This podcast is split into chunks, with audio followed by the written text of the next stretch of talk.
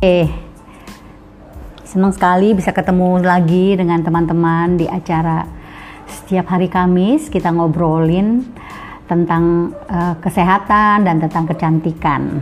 Oke, uh, ngomong-ngomong nih teman-teman, sekarang kan kita udah di era yang baru ya, yang namanya new normal. Sesuatu yang normal, tapi normalnya itu nggak sama dengan sebelum pandemik.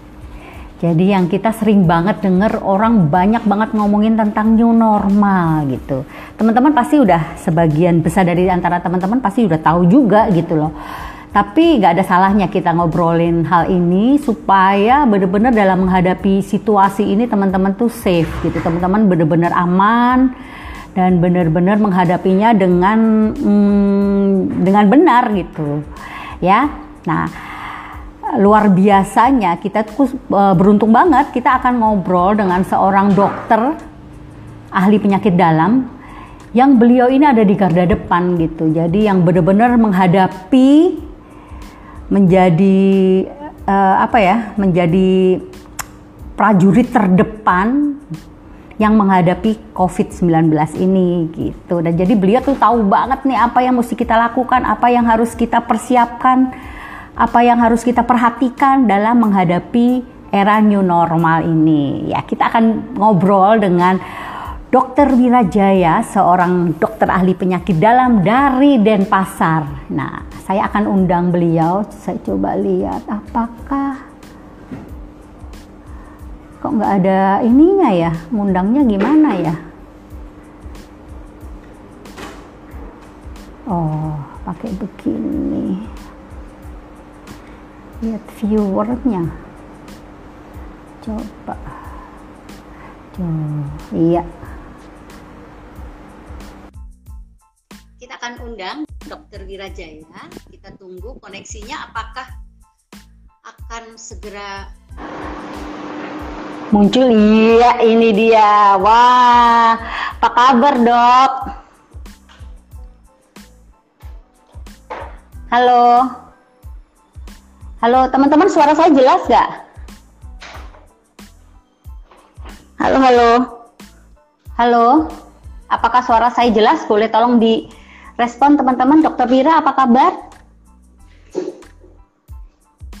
Dokter Vira belum ada suaranya ya? Suaranya belum muncul, Dokter Wira. Iya, coba. Oh, sekarang? Sekarang jelas Oke, ya, Dok? sekarang kedengaran? Ya. Sudah, sudah terdengar, Bu.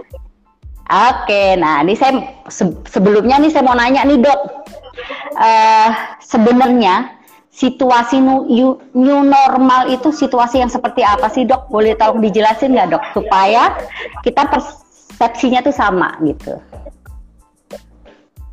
Oke, selamat sore Bu Devi, selamat sore teman-teman semua. Uh, membahas tentang new normal ini Bu ya. Uh, new normal ini sering kita dengar istilah new normal, baik itu dari media massa, mungkin dari medsos, mungkin teman dengar dari teman. Mm-hmm. Istilah new normal ini menjadi populer setelah Bapak Presiden dalam pidatonya mengajak kita untuk bagaimana kita berdamai melawan COVID-19 ini. Mm. Jadi istilahnya uh, kita melakukan suatu perubahan ya melakukan suatu aktivitas seperti normal, tetapi ditambah dengan uh, melakukan atau melaksanakan protokol kesehatan yang sudah ditetapkan oleh pemerintah untuk mencegah mm -hmm. supaya kita tidak tertular uh, eh, COVID-19 ini. Tujuannya. Jadi di mm -hmm. situasi new normal ini akan terjadi suatu perubahan mungkin budaya ya, jadi budaya hidup sehat, Mungkin kita di rumah menyiapkan uh, tempat untuk cuci tangan untuk tamu kita, kemudian juga kita membawa hand sanitizer ke mana-mana. Mungkin itu perubahan budaya. Nah, perubahan sosial juga akan terjadi. Nanti kita untuk sementara waktu mungkin kita tidak bisa berkumpul rame-rame, menjaga jarak antara satu dengan yang lainnya. Jadi ada suatu perubahan sosial yang harus bisa kita terima. Sebenarnya uh, situasi ini atau new normal ini tujuannya adalah membiasakan diri kita untuk melawan uh, COVID-19 ini sampai nanti ditemukannya vaksin, Ibu, untuk yeah, yeah, uh, yeah. menghadapi penyakit COVID-19 ini. Jadi kita bersabar dulu deh sampai nanti vaksin ditemukan, kita akan kembali benar-benar normal. Oke, okay, iya benar. Untuk definisi new normal ini. New normal itu ya dok. Jadi kita mesti tahu ya dok bahwa si virus ini bukannya pergi gitu. Si virus ini bukannya udah berhasil dimusnahkan, tapi dia ada, tetap ada. Jadi yang tadi dokter Wira jelaskan bagaimana kita bisa hidup berdampingan dengan virus itu ya dok. Betul bu. Jadi uh, sebenarnya begitu masuk di fase atau di era new normal ini bukan berarti virus sudah hilang. Virus hmm. tetap ada, tapi kita berdamai nah. untuk melawan virus. Berdamai. Gitu, Oke. Okay. Nah, sekarang tadi Dokter Wira udah sempat uh, jelaskan sedikit ya tentang hal-hal apa yang perlu kita lakukan. Nah, boleh jelasin lagi nggak dok? Hal-hal apa yang perlu kita perhatikan bila kita harus berkegiatan keluar rumah gitu. Kalau kita masih bisa tinggal di rumah kan mungkin kita sudah biasa nih selama hampir tiga bulan ini. Tapi kan sekarang kegiatan sudah mulai kembali kegiatan yang uh, sehari-hari yang sebelum COVID gitu. Nah, apa yang perlu diperhatikan nih dok kalau kita perlu keluar rumah, bekerja atau melakukan kegiatan sosial? Wah itu pertanyaannya bagus banget tuh. Jadi kita memang nggak bisa berdiam uh, diri di rumah terus, ya. Uh, kita bisa memahami uh, tujuan dari pemerintah untuk uh, adanya new normal ini. Jadi kita tetap mm-hmm. menjaga kesehatan kita, tetapi kita tetap harus produktif. Itu yang paling penting. Jadi ya kembali lagi kita berdamai bu untuk melawan virus uh, COVID ini jadi berdamai hmm. itu bukan berarti kita menyerah atau kita pasrah, uh, tapi berdamai ini kita mensiasati, kita membuat suatu beradaptasi lah, bagaimana kita menghadapi virus COVID ini, hmm. dan kita juga uh, harus uh, berperilaku sehat, itu yang paling penting. Jadi prinsipnya adalah bagaimana kita menjaga agar kita tidak tertular oleh virus COVID ini dan bagaimana kita juga tidak menularkan kepada orang lain, kemudian membiasakan pola hidup sehat dan bersih. Hmm, Jadi okay, okay. Uh, itu prinsipnya ibu. Nah caranya uh, supaya kita bisa beraktivitas, tapi kita juga tidak terkena virus COVID ini adalah yang paling pertama jelas untuk kebersihan diri. Hmm. Yang pertama adalah kebersihan diri kita. Uh, kita selalu mencuci tangan dengan air yang mengalir, tentunya dengan sabun, bisa juga menggunakan desinfektan. Kemudian kalau kita keluar rumah selalu kita menggunakan masker. Uh, terus kita juga perlu uh, melakukan desinfektan pada alat-alat yang kita bawa, misalnya tas, mungkin handphone, mm -hmm. uh, sepatu. Kita perlu desinfektan. Yang perlu saya cat, uh, catat di sini adalah cat, uh, berikan catatan adalah bahwa desinfektan itu bukan untuk tubuh kita. Nah dulu pernah sempat itu tubuh kita diberikan desinfektan itu berbahaya. Ya. Mm-hmm. Jadi desinfektan itu untuk benda-benda mati yang kita bawa. Misalnya tas seperti itu ya. Iya, iya betul. Kemudian juga uh, gagang pintu ya, Dok kita ya. membudayakan. Iya, Bu. Gagang mungkin pintu. Kita juga membudayakan. Kenapa, Bu? Enggak, enggak terusin, Dok, terusin. Oh ya. Juga kita membudayakan diri uh, kalau dulu mungkin pulang dari uh, pulang ke rumah dari luar kita tidak langsung mandi, tapi saat ini pulang dari kerja, mungkin pulang dari uh, kalau di bisnis ini kita datang dari presentasi, kita pulang harus mandi, harus keramas, kemudian harus ganti baju. Itu yang penting. Yang kedua adalah untuk kebersihan lingkungan. Kebersihan lingkungan kita di rumah, kita harus uh, sekali-sekali kita harus bersihkan misalnya handle pintu kita dengan desinfektan, kemudian di kantor juga seperti itu benda-benda yang sering tersentuh oleh orang banyak kita harus bersihkan dengan desinfektan. Kemudian tiga itu adalah baru rumah tapi kita tetap juga harus menjaga jarak dengan uh, antara satu dengan yang lainnya. Mm-hmm. Yang keempat, ini yang paling penting Bu, karena di iya, tempat yeah, praktek saya saya banyak temukan sekarang mm-hmm. itu adalah tentang kesehatan mental. Wah. Ya, mungkin selama tiga bulan ini kita stres di rumah, kemudian sekarang tiba-tiba kita keluar, ada sesuatu yang berbeda yang kita lakukan. Nah, sering kita merasa sedih, kita merasa cemas ketika kita keluar. Nah, kalau bisa itu dihilangkan. Dan juga mm-hmm. yang paling penting adalah uh, bagaimana kita ada di lingkungan yang positif. Iya. Ya, karena itu. sekarang akan banyak sekali kita mendengar berita-berita yang belum tentu uh, berita itu akurat ibu mengenai tentang hmm. virus lah dan sebagainya berita-berita hoax harus dihindarkan. Nah, yang terakhir jangan lupa karena kita sudah mulai beraktivitas keluar, kita harus menjaga asupan nutrisi dan cairan yang optimal. Mungkin itu Bu yang bisa saya sampaikan. Yes, wah iya, benar sekali tuh. Yang terakhir tuh penting banget tuh. Nah, gini nih dok, uh, supaya kita benar-benar waspada nih dok, sebelum nanti kita masuk ke nutrisi atau ke suplemen yang kita bisa uh, konsumsi untuk menjaga kesehatan tubuh kita, supaya kita benar-benar waspada, kita benar-benar bisa tahu. Saya pengen tanya nih dok, sebenarnya tuh cara penularannya gimana sih dok, virus itu? Uh, cara penularan virus itu kepada antara uh, kepada satu orang ke orang yang lain itu satu-satunya jalan adalah lewat cairan tubuh yang dikeluarkan oleh uh, orang yang sakit, terutama dari bersin, dari air ludah, kemudian juga bisa dari muntahan, dari orang yang sudah terkena COVID itu menular kepada orang yang uh, sehat melalui mata, melalui hidung, dan melalui mulut. Itu yang terpenting. Sebenarnya ada suatu mekanisme lagi setelah dia tersentuh dengan mukosa-mukosa yang saya sebutkan tadi. Nah, hmm. itu sebabnya kenapa orang disuruh menggunakan. Jadi sekarang masker. misalnya harus pakai kacamata lah sebaiknya untuk keluar, kemudian pakai masker, ya. Banyak juga yang nggak pakai hmm. masker tapi nggak pakai kacamata itu juga berbahaya. Karena oh bisa, gitu ya dok. Jadi uh, kacamata juga, harus ya dok. Betul. Kacamata itu penting sekali karena uh, droplet atau cairan bercikan cairan yang mengandung virus itu bisa mengenai mata kita juga. Walaupun kita udah oh. pakai masker, tapi kalau matanya kena bisa tertular juga, Bu. Oke, oke, oke. Wah, iya benar tuh teman-teman ya. Jadi kalau keluar rumah jangan cuma masker, mata juga perlu dilindungi ya. Makanya sekarang kan banyak tuh yang jual tuh ada ada iya, kayak kaca Google, seperti kacamata ini. Google juga. Iya, iya, betul, hmm, betul. Atau bisa tutup. Iya. Oke, nah, nah sekarang nih dok, bagaimana cara kita membentengi tubuh kita dari virus COVID ini? Suplementasi apa yang kita butuhkan nih dok? Jadi uh, lebih jelasnya Nutrilat yang kita butuhkan apa nih dok?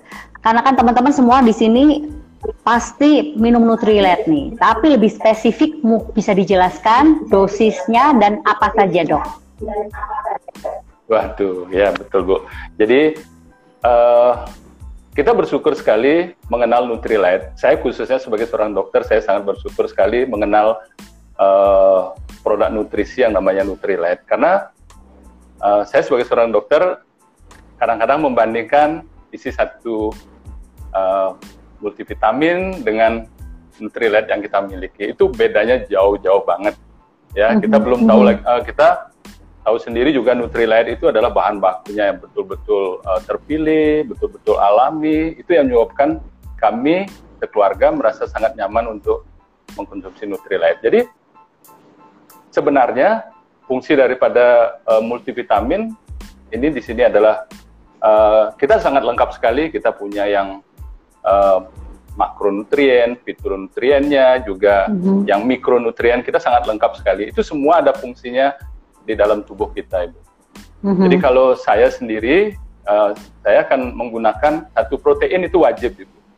Protein Karena wajib. protein sangat penting sekali kita uh, konsumsi sehari-hari.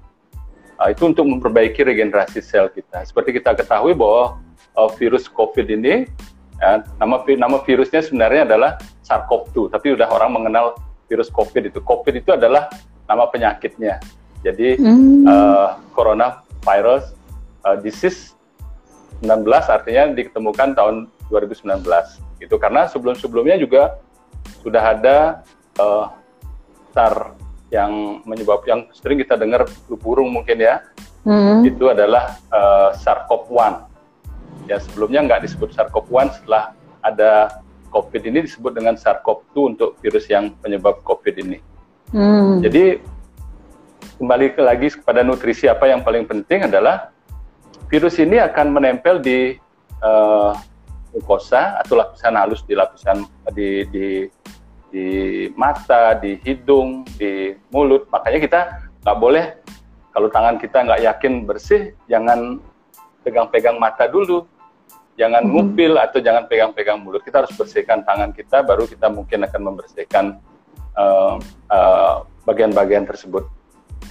Nah, virus itu akan nempel di uh, sel kita. Nah, sel kita seperti kita ketahui bersama itu ada dinding selnya.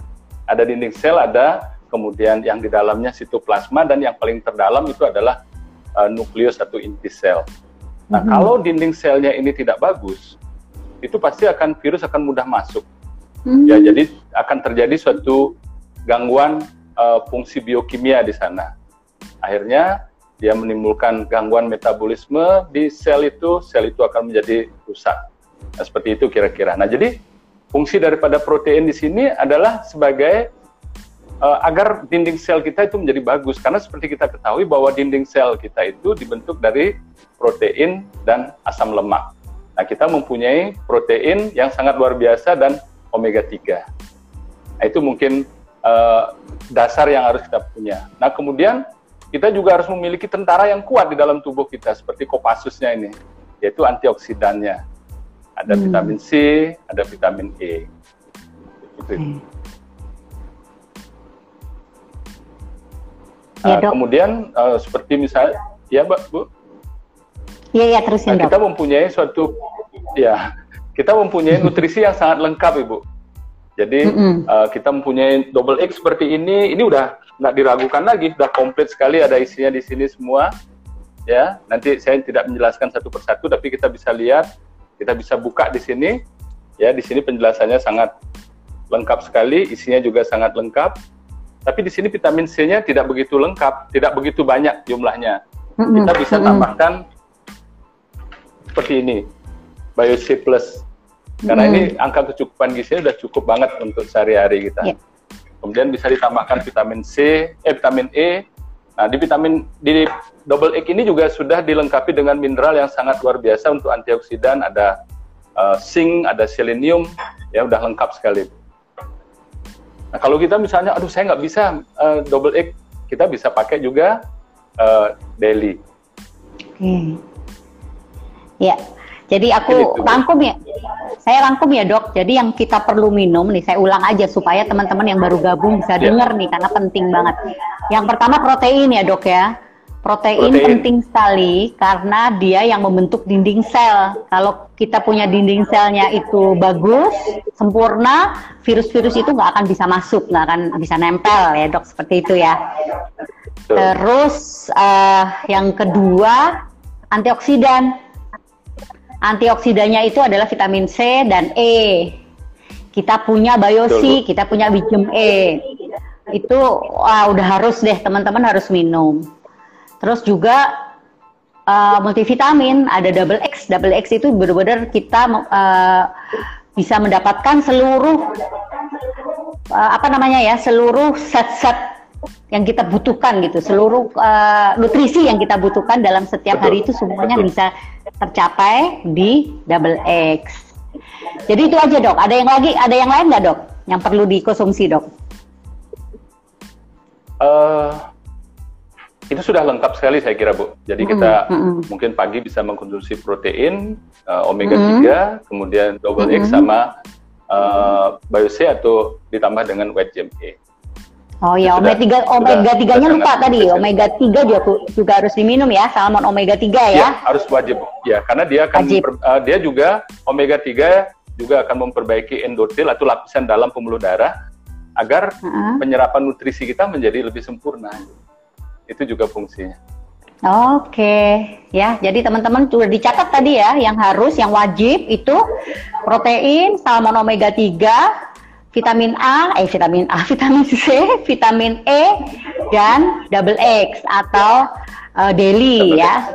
Itu udah wajib. Nah, sekarang nih dok, pertanyaan berikutnya nih dok. Ini banyak sekali yang menjadi ke uh, salah satu kekhawatiran gitu. Kan banyak yang eh, orang-orang uh, yang punya penyakit khusus nih dok. Misalnya di asma, diabetes atau hipertensi yang saya dengar nih menurut berita-berita yang saya dengar itu resiko yang sangat tinggi gitu kalau uh, terkena virus ini itu bisa sangat berbahaya gitu. Nah, bagaimana dengan mereka nih, Dok? Apakah ada Nutrilab yang perlu ditambahkan untuk membuat risiko itu menjadi lebih kecil, Dok? Ah, betul, Ibu. Jadi uh, beberapa hal uh, setiap penyakit itu ada faktor risiko.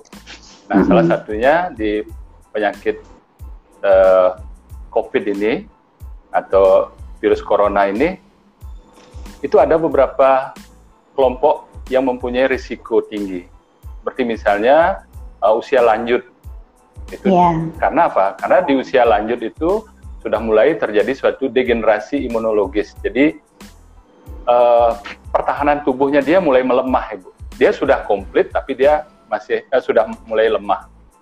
Sehingga kita perlu berikan nutrisi yang lebih ya seperti tadi Bu untuk regenerasi selnya supaya uh, lebih bagus ya protein adalah sebagai uh, jawabannya. Hmm. Kemudian ditambah dengan yang lain. Jangan lupa juga perlu ditambahkan kalsium magnesium. Kalsium ya, magnesium. Karena ada kalmak D-nya, vitamin D juga cukup bagus untuk uh, membantu uh, sistem pernapasan kita. Ya, jadi salah satu uh, penyakit dari eh, apa namanya ketika virus COVID ini masuk dalam tubuh kita, salah satu yang diserang itu adalah saluran pernapasan kita dengan segala mm -hmm. komplikasinya. Jadi uh, kelompok usia lanjut itu harus kita benar-benar perhatikan. Yeah. Kemudian yang kedua adalah pasien-pasien uh, yang mempunyai penyakit yang berlangsung lama atau sering disebut dengan penyakit memiliki penyakit kronis ya seperti misalnya asma, kemudian diabetes, uh, hipertensi juga mempunyai faktor risiko, mm -hmm. penyakit ginjal, mm -hmm. dan juga pada pasien-pasien kanker yang saat ini sedang menjalani kemoterapi itu mempunyai faktor mm -hmm. risiko. Tapi satu hal yang perlu juga saya sampaikan bahwa kita juga harus tetap uh, mengkonsumsi obat-obat yang disarankan oleh dokter. Ya, seperti misalnya diabetes, ya gula darahnya harus tetap terkontrol ya jadi karena kalau gula darahnya tidak terkontrol dengan baik, ya tentunya uh, itu akan memberikan suatu gula darah yang naik turun atau gula darah yang tinggi itu akan merusak endotel pembuluh darah atau lapisan dalam lapisan halus pembuluh darah sehingga uh, menimbulkan suatu risiko imunitas kita menjadi menurun. Nah, mm -hmm. pada pasien-pasien asma karena kita ketahui tadi bahwa COVID itu menyerang saluran pernapasan jadi pada pasien-pasien asma itu perlu uh, betul-betul diperhatikan. Jadi jangan sampai terjadi suatu serangan asma yang akan memudahkan uh, apa namanya mempunyai risiko lebih tinggi jadinya terkena uh, COVID-19 ini. Kalau penyakit-penyakit okay. yang seperti kanker dengan kemoterapi itu karena kemoterapinya melemahkan tubuh kita sehingga benar-benar uh, kita perhatikan nutrisinya mungkin lebih double daripada orang-orang biasa. Okay, nah, seperti kita ketahui iya. bahwa mengkonsumsi protein ini sangat aman sekali karena uh, itu daya serap itu sangat sempurna, jadi tidak ada yang dikhawatirkan nanti numpuk di ginjal, numpuk di tempat-tempat lain itu nggak ada. Iya, ini udah mulai banyak pertanyaan nih dok. Tadi ada yang nanya dok, Nutrilat yang tadi dokter iya. sebutkan, ya. itu dosisnya berapa dok? setiap harinya? Uh, kalau kita mengacu kepada dosis yang sudah di uh, tertera di masing-masing kemasan ini, mm-hmm. kalau double X saya akan selalu konsumsi pada pagi hari dan pada malam hari. Ya, kalau daily itu cukup sekali sehari saya kita mm-hmm. konsumsi. Uh, kalau BioC itu saya agak lebih sekarang. Kalau dalam kondisi normal seperti dulu, uh, kita bisa dua kali, tapi sekarang saya akan konsumsi tiga kali karena hmm. seperti kita ketahui bahwa uh, virus COVID ini kan belum hilang, Bu. Sedangkan hmm. kalau saya sangat aktif masih bekerja di rumah sakit, bertemu dengan ya kita nggak tahu pasiennya yang COVID atau tidak, jadi saya akan dobelkan. Kemudian sebenarnya yang satu lagi saya tambahkan B kompleks. B kompleks sebenarnya dalam kondisi normal saya cukup pagi biasanya. Tapi untuk kondisi sekarang saya biasanya pagi sama malam. Kalau okay. omega 3 itu saya konsumsi tiga kali sehari, pagi, siang dan menjelang tidur malam. Mm-hmm. Kalau kalmat juga saya tambahkan pagi karena uh, saya sangat butuh untuk vitamin D-nya. Saya konsumsi pagi sama malam. Iya. Yeah. Oke, itu dosisnya ya teman-teman tadi yang tanya dosis. Terus apa lagi ya yang ditanyakan? Oh ya garlic dok. Tadi ada yang nanya, apakah garlic perlu? Bagaimana dengan garlic? Apakah ada fungsinya untuk uh, mengatasi COVID ini dok? Ya, garlic itu sebenarnya fungsinya sangat banyak sekali bu. Jadi untuk uh, dia bisa berfungsi sebagai anti radang, sebagai antioksidan, hmm. kemudian uh, vasodilatasi jadi uh, pembuluh darah kita menjadi lebih sehat alirannya. Jadi bisa ditambahkan ibu garlic itu. Terutama yang mempunyai okay. riwayat hipertensi atau sedang mengkonsumsi obat-obat hipertensi itu garlic itu banyak manfaat. Banyak manfaatnya ya nah, dok kalau ya. garlic, okay. uh, ya. cuman kalau garlic hati-hati yang mempunyai uh, tekanan darah rendah ibu. Jadi kadang-kadang nah. dia merasa keluhan hmm. agak pusing. Itu yang tadi saya mau tanya nih dok Soalnya ada downline saya karena dia takut banget uh, ini garlic, eh takut banget jadi dia minum garlicnya banyak gitu. Nah, akhir-akhir ini dia tekanan darahnya rendah terus, Dok. Ya, akhirnya saya bilang sekarang berhenti dulu minum garlicnya gitu. Karena memang akhirnya bisa membuat tekanan darah jadi rendah ya, Dok. Betul kita bisa bisa ganti dengan dengan Nutrilite yang lain bu karena kita kan mempunyai antioksidan yang sangat cukup banyak nih bahkan hmm. uh, kadang-kadang kita kan agak sulit mendapatkan satu Nutrilite misalnya seperti baru-baru ini Biosi kita jangan menyerah karena yang lainnya juga sangat bermanfaat buat tubuh kita misalnya yeah, seperti yeah. protein berry ini cukup tinggi juga jadi cukup tinggi juga vitamin C ya Iya, terutama untuk anak-anak ya dok. dengan uh, untuk anak-anak, untuk dewasa juga. Iya, bisa ya. Oke. Nah, ini juga tadi ada pertanyaan nih, Dok. Apakah kalmak perlu ditambahkan di luar trio fondasi? Tadi kayaknya Dokter Wira juga udah bilang ya, kalmak perlu ya. Coba Dok dijawab lagi deh, Dok. Ya, uh, kalmak itu fungsinya banyak sekali, Bu. Terutama uh, untuk uh, kesehatan tulang dan otot. Jadi kalsiumnya untuk tulangnya, magnesiumnya untuk ototnya, dan kita juga membutuhkan vitamin D dari kalmak D-nya. Uh, saya bersyukur sekali bisa mengenal kalmak D ini karena benar-benar uh, saingannya untuk di luar itu nggak ada, bu. Mm-hmm. Ya, jadi uh, kalmak D ini adalah satu uh, nutrisi yang sangat bagus ya. Kelihatannya isinya cuma kalsium sama magnesium, tapi sebenarnya lebih dari itu, bu. Bagus sekali. Uh, untuk konsumsinya itu kita jangan takut oh, ada suatu retensi atau tertinggal di ginjal itu kita bisa konsumsi uh, tiga kali dua atau dua kali dua. Tiga kali dua atau dua kali dua. Oke dok. Nah ini ada pertanyaan lagi nih, ada pertanyaan yang menyambung kalmak nih dok, biar uh, terusin ya. Uh, Bliwira nih dari Bu Joyce nih. Bliwira dosis kalmak terbaru ada referensi bilang sampai 10.000 uh, per hari untuk pandemi. Gimana tuh Bli? Uh, untuk kita kan tidak hanya meng mengkonsumsi uh, kalmak saja. Kita juga mengkonsumsi untuk mengatasi pandemi ini bukan hanya untuk kal uh, bukan dengan kalmak saja, tapi kita juga mengkonsumsi uh, nutrisi yang lain ya. Jadi mungkin kalau kita semuanya dengan dosis-dosis uh, yang yang tinggi, mm-hmm. uh, biasanya kita juga akan merasa tidak nyaman di perut, bu. Ya. Oke. Okay. Jadi saya kira dengan dosis itu sudah cukup kok, tiga kali dua tablet saja. Oke oke oke. Karena ada Nih. nutrisi yang lain lagi. Ter ada terkecuali kita yang lain mungkin lagi. dengan yang lain nggak bisa ya misalnya kita nggak minum protein, kita nggak minum uh, apa namanya hmm, double egg, itu mm -hmm. bisa kita maksimalkan mungkin. Seperti baru-baru ini kan semua serba sulit dicari, bisa kita maksimalkan untuk dosis kalmaknya. Iya, oke dok. Nah, ada lagi nih dok, pertanyaan udah banyak nih dok. Uh, salmon dua kali tiga, apakah cukup di masa pandemi ini? Uh, kembali lagi karena kita kan tidak menggunakan salmon saja. Mungkin kalau kita menggunakan salmon saja, kita butuhkan untuk memperbaiki membran sel untuk dinding selnya, uh, ya mungkin saja bisa dimaksimalkan. Tapi saran saya hati-hati juga mengkonsumsi uh, omega 3 yang berlebihan karena itu akan memudahkan terjadinya perdarahan.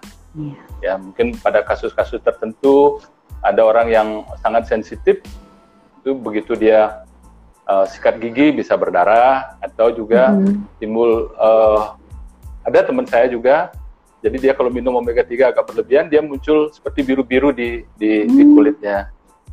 Oke. Okay. Jadi itu perlu kita perhatikan juga dosis-dosisnya.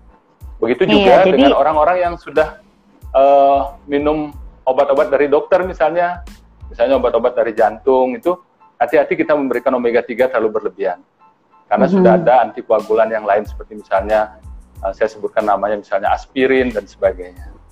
Okay, nah, okay. untuk omega 3 uh, yang perlu diperhatikan adalah ketika kita pergi ke dokter gigi.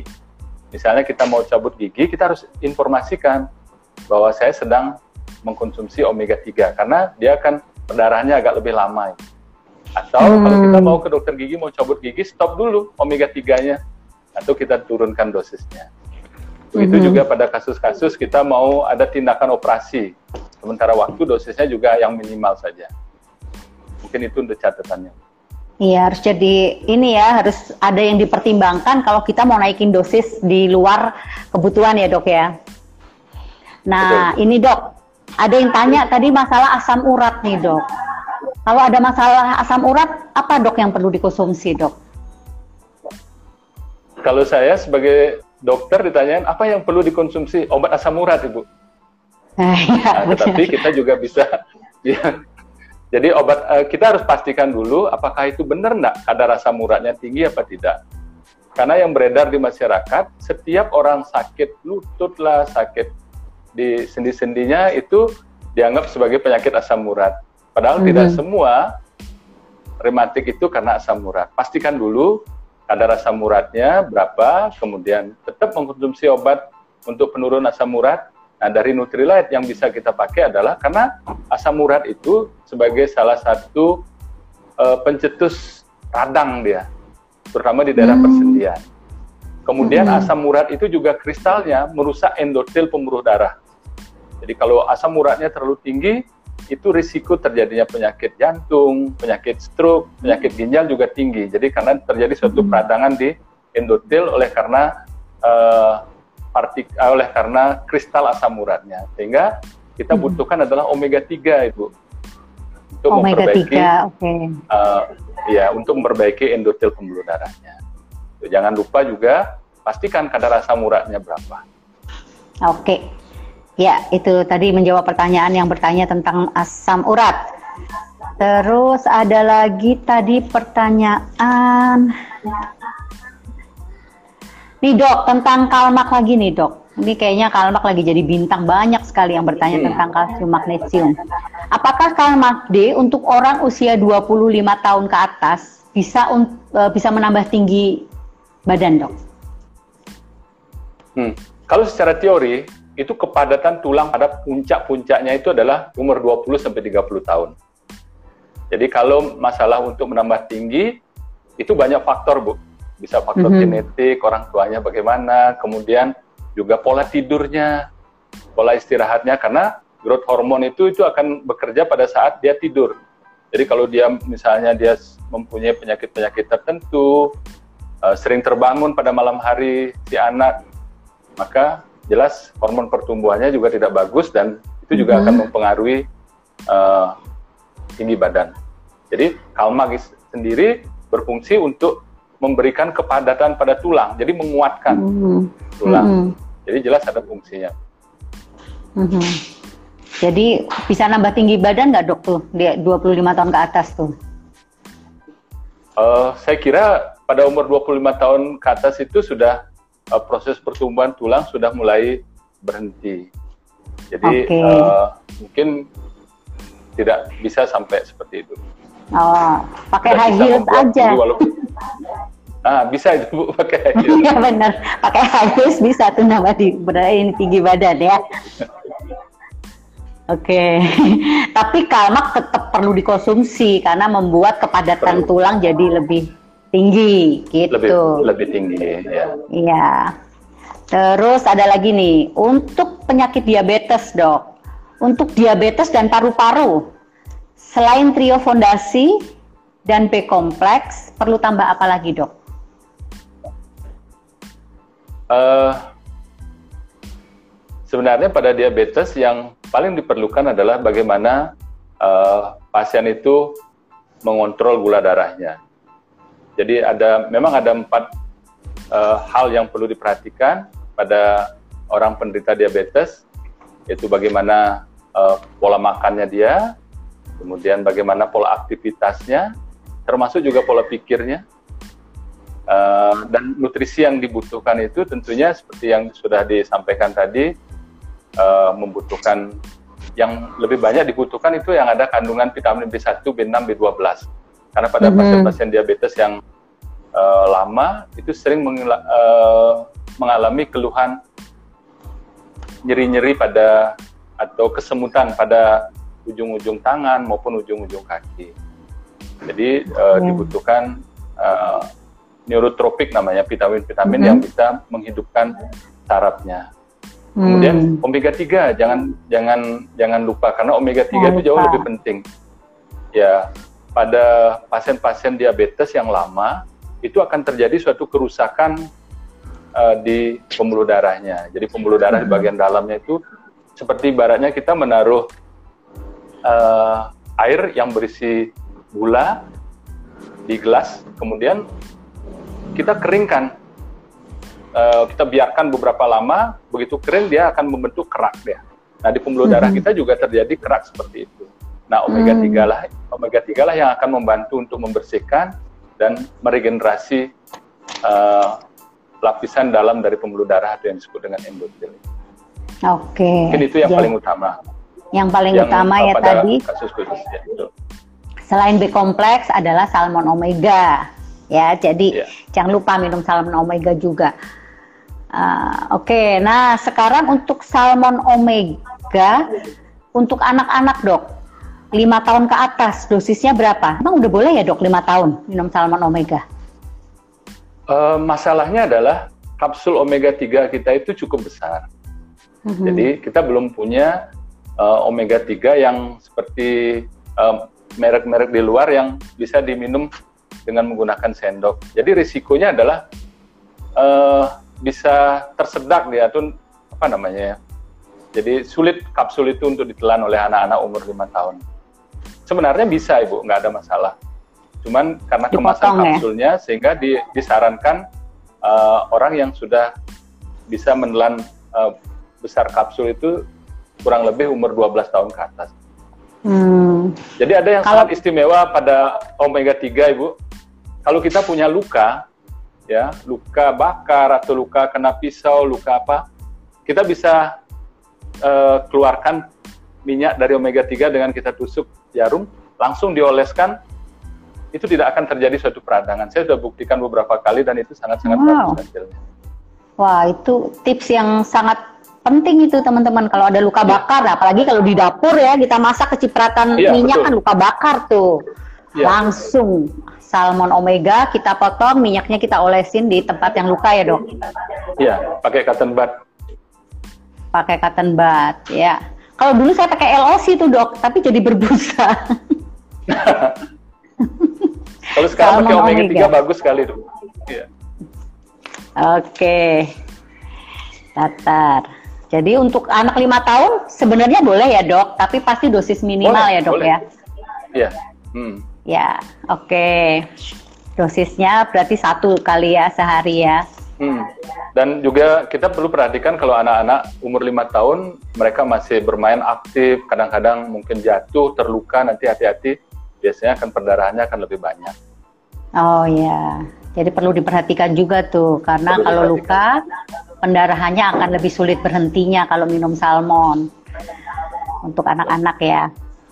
Oke, ada lagi di pertanyaan dok. Tangan kiri, kaki kiri, oh sebelah kiri semua nih, sering semutan nutrien yang dibutuhkan apa nih dok? Trigliseridnya di atas 200. Nggak terlalu tinggi sih. Tangan kiri, uh, kalau kita Kaki ada kiri. keluhan seperti misalnya, ya, kalau kita ada keluhan, misalnya tangan kanan, tangan kiri, itu sebenarnya kalau dari segi kedokteran masih lebih aman. Tapi yang berbahaya adalah ketika keluhan itu uh, dia mengalami misalnya kesemutan di tangan sama di tangan kiri dan di kaki kiri. Kalau hmm. saya sarankan keluhan seperti itu segeralah ber, uh, untuk diperiksakan ke dokter spesialis saraf karena ada satu kemungkinan itu adalah uh, gangguan pada sumbatan pembuluh darah di daerah otak. Nah, apalagi hmm. tadi disebutkan ada trigliseridanya sangat tinggi. Jadi trigliserida yang sangat tinggi itu memang mempunyai risiko terjadinya suatu gumpalan darah.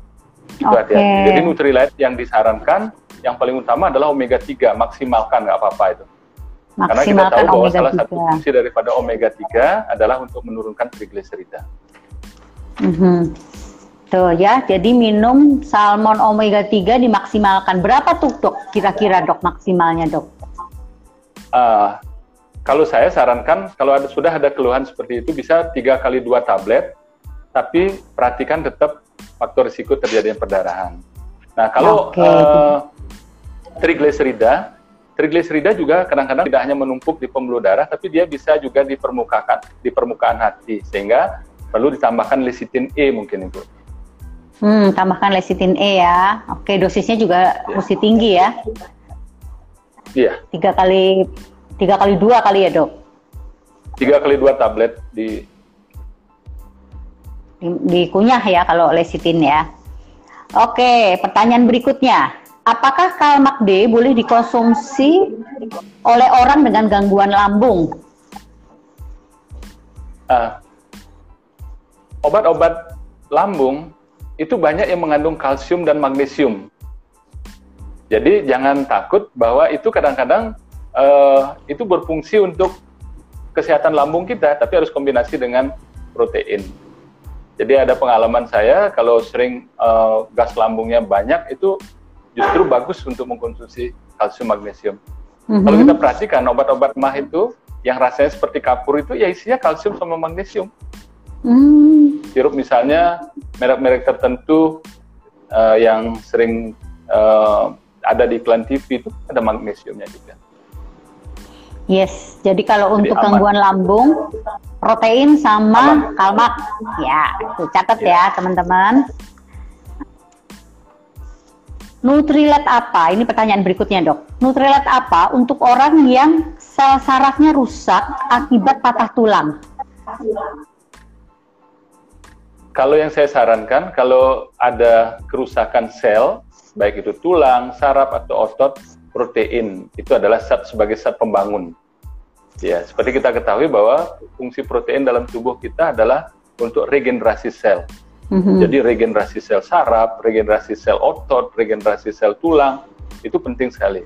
Yang kemudian yang kedua yang berkaitan dengan saraf, seperti tadi saya sebutkan itu uh, vitamin yang kandungan vitamin B1, B6, B12-nya tinggi itu ada di uh, B kompleks. Oke, okay. B kompleks. Tadi apa sih tadi pertanyaannya? Sorry ya, sini saya lagi sambil cari pertanyaan yang lainnya. Oke, udah dijawab ya. Pertanyaan berikutnya, Dok. Bilberry dengan lutein, apakah boleh untuk anak-anak, Dok? Uh, bilberry dengan lutein. Bil bilberry itu untuk memperbaiki aliran darahnya, sedangkan mm -hmm. lutein itu berfungsi untuk anti radiasi. Hmm. Itu boleh Bu pada anak-anak, tapi nanti perhatikan dosisnya. Saya uh, mungkin tidak terlalu hafal dengan dosis anak-anak. Hmm. Uh, tapi itu sangat bagus sekali, apalagi kondisi seperti ini. Jadi uh, kita mungkin banyak di rumah, kemudian uh, kita sering melihat gadget atau melihat uh, laptop atau mungkin nonton drama Korea mungkin Bu. Jadi itu uh, bilberry dan lutein itu sangat-sangat penting sekali itu hampir saya lupakan tadi itu sangat penting. Oh ya, oh berarti perlu ditambahkan ya selama kita menghadapi new normal ini banyak menghadapi gadget, radiasi. banyak menghadapi hmm. layar ini untuk radiasi bilberry dengan lutein kita perlu tambahkan betul, dalam betul. harian kita betul. ya. Hmm. Oke okay, untuk anak-anak jadi oke okay, boleh. Boleh. Oke, sorry ya dok, ini banyak banget loh dok pertanyaannya Jok. Jadi pasti akan banyak banget. Padahal tadi kita lagi ngomongin masalah Nutet dengan masalah pandemik ini, tapi ternyata yeah. banyak banget pertanyaannya nih dok. Untuk diabetes lagi nih dok, apakah bisa dengan Nutrilat saja? Apakah tetap harus pakai insulin? Nih ceritanya yang diabetes ini udah pakai insulin. Apakah Nutrilat bisa menggantikan insulin dok?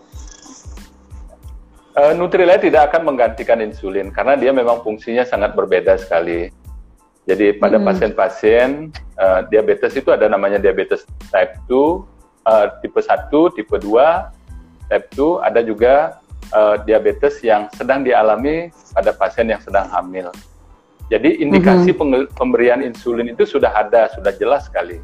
Jadi pada pasien yang type 1, diabetes tipe 1 itu tidak bisa harus dia menggunakan insulin. Kemudian pada pasien-pasien diabetes disertai dengan kehamilan itu mm -hmm. juga mhm. wajib menggunakan insulin. Nah, yang tipe 2 ini bisa menggunakan insulin, uh, bisa juga menggunakan obat-obat minum tergantung kepada bagaimana uh, kondisi gula darahnya. Jadi pada pasien-pasien yang sudah tidak bisa menggunakan obat minum, tentunya insulin sebagai pilihan. Tetapi okay. insulin tidak uh, Nutrilite tidak akan menggantikan fungsi insulin. Yang mm mungkin dengan nutrisi yang cukup, yang bagus, kita berharap pankreas yang menghasilkan insulin itu akan berfungsi lagi. Nah, jadi Nutrilite tetap sebagai pendampingnya, insulin tetap sebagai obat untuk mengendalikan gulanya. Yes, jadi paling tidak nggak naik ya dok dosisnya ya dok, dosis ya, insulinnya betul. itu. Iya. Oke. Okay. Dengan harapan Nih, kan uh, fungsi pankreasnya akan berfungsi lagi dia. Iya, akan membaik sehingga insulinnya akan nggak perlu naik lagi dosisnya ya. Iya, dosisnya akan turun. Kalau ulu hati sering berdetak kencang, itu gejala apa dok? Sudah konsumsi Kalau salmon dan protein, perlu tambah apa lagi? Ulu hati berdetak kencang. Kalau hati nggak bisa berdetak kencang, Ibu. Yang berdetak itu jantung. Jantung. jantung yang berdetak. Kalau ulu hati nggak bisa, Ibu. Nggak bisa berdetak nah. ya. Jadi jantungnya Mungkin yang berdetak kencang itu, Dok. Iya, makanya. Mungkin maksud, ya. Kalau kalau mungkin yang dimaksud adalah uh, di ulu hati ini berarti lambung dia, Ibu ya. Tapi saya juga belum uh, maaf saya belum belum paham dengan pertanyaannya apakah memang uh, benar berdenyut karena kalau berdenyut sih nggak ada yang berdenyut itu adalah jantung. Mm-hmm. Kayaknya ini dok dia nonton film Korea dok jadi jantungnya berdetak kencang lihat kan ceweknya cantik-cantik cowoknya cakep cakep hmm. jadi jantungnya berdetak lebih kencang itu dok. Ya jadi okay, supaya ini kayaknya kita pakai artistri bu. Nah itu dia. Nah ini kayaknya perlu di dipastikan lagi ya maksudnya apa ya belum bisa dijawab kalau belum yeah. pasti. Nutrilat apa untuk orang yang sering kelelahan dan juga insomnia, insomnia, susah tidur? Yang paling wajib itu adalah B complex double layer. B complex double layer, uh, oke. Okay. Itu wajib, jadi wajib itu. Karena dengan kita metabolisme kita baik, kita istirahat kita juga akan baik. Mm -hmm. Jadi, Jadi komplek ya. Wajib. Ya. Mungkin dosisnya ya dok, mesti nggak bisa cuma satu sehari ya dok? Iya. Mungkin perlu uh, minum dua. Sebenarnya B komplek kita yang saat ini itu sudah sangat-sangat sempurna sekali karena ada dua kali rilis dia. Jadi yang pertama mm -hmm. itu yang lapisan pertama itu adalah vitamin B2 sama B12, kemudian baru B6 dan yang lainnya rilis pelan-pelan sehingga bisa bekerja 24 jam sebenarnya. Tapi saya hmm. kadang-kadang hmm. juga menggunakan pagi sama malam. Iya, malam sebelum tidur Dan, minum ya dok? Uh, ya nggak langsung sebelum tidur, mungkin beberapa jam sebelum tidur, dan itu benar-benar memang enak tidurnya. Hmm, ya ya benar. Jadi minum B kompleks beberapa jam sebelum tidur, jadi waktu tidur tuh udah rileks uh, tubuhnya. Ya. Betul betul. Nah nih dok, apakah pertimbangannya kalau harus pilih double X atau daily? Yang pertama PV-nya, Ibu. ya, PV-nya tuh. Double X PV-nya lebih gede ya. Terus yang selanjutnya, ya, Dok. Double X lebih gede. Ya. Uh, ya, tapi kalau yang daily itu dia fitonutrisinya yang tidak terlalu banyak ya. Jadi dia ada, ada vitamin hmm. sama mineral. Kalau daily, eh kalau double egg itu ada uh, vitamin, mineral, dan fitonutriennya yang sangat-sangat mm -hmm. mungkin itu sebagai pertimbangan untuk kesehatan. Dan juga okay. ya jelas pertimbangan ekonomi juga kalau daily ya jelas lebih murah dibandingkan mm -hmm. dengan kalau kita mengkonsumsi double egg. Tapi yeah. uh, it's okay itu bagus juga kok daily. Jadi kita mm. uh, dulu sebelum double egg masuk ke Indonesia saya selalu menggunakan daily untuk yeah. pada waktu kita masih mahasiswa itu sangat-sangat bagus sekali sangat oke okay ya. Juga mungkin usia kali ya dok, kalau uh, daily itu kan bisa diminum dari umur 4 tahun dok. Mungkin daily dulu, jangan langsung double X kali ya kalau untuk anak-anak ya. Ya, ya saya juga kadang-kadang sering uh, dapat teman gitu ketika kita nyarankan double X dia sudah kaget, oh banyak sekali minum vitamin. Nah saya sarankan mm -hmm. oke okay, ini daily aja dulu deh. Kalau mm -hmm. dia sudah merasakan, biasanya ada nggak yang lebih bagus? Ada double X Hmm, oke okay, oke. Okay. Wah, itu tips yang perlu kita lakukan juga tuh. Pertanyaan selanjutnya nih, ini kayaknya dua pertanyaan ini dua pertanyaan terakhir nih, waktunya udah udah mau habis ya. Uh, up, bentar bentar. Apakah kalau konsumsi lecitin E 3 kali satu itu bisa bikin jantung berdetak lebih cepat? Lecitin E 3 kali 1. Kalau kita melihat dari komposisi lecitin terhadap debaran jantung itu memang tidak ada ibu, tidak ada hubungannya. Ya. Hmm. Jadi kalau misalnya uh, seperti double egg atau daily itu mungkin ada kaitannya karena ada beberapa mineral yang bisa memacu jantung. Hmm. Uh, kalau lecitin E rasanya tidak. Rasanya tidak ya. Jadi mungkin, yang menyebabkan ya, debaran jantung ini yang lain pasti ya dok? Iya. Mungkin yang lain bu. mungkin yang tanggal lain. tanggal tua mungkin. Iya. Atau akhir bulan tapi PV-nya masih jauh bulan, gitu. Iya. Itu bisa bikin jantung berdetak lebih bisa cepat juga. Ya, tapi kalau Nutrilat yang tadi dokter uh, Wira sebutkan mungkin menyebabkan detak jantung lebih cepat itu double X sama apa dok? Kemung atau ada daily. kemungkinan atau daily ya. ya. Ya, karena dia mengandung mineral. Karena dia mengandung mineral. Oh ya dok, tadi juga mungkin dokter Wira perlu sampaikan gitu bahwa untuk minum uh, Nutrilat sebanyak ini, apakah konsumsi airnya perlu diperhatikan dok? Minumnya tuh, apakah perlu ditambah uh, dari biasanya? Uh, betul ibu.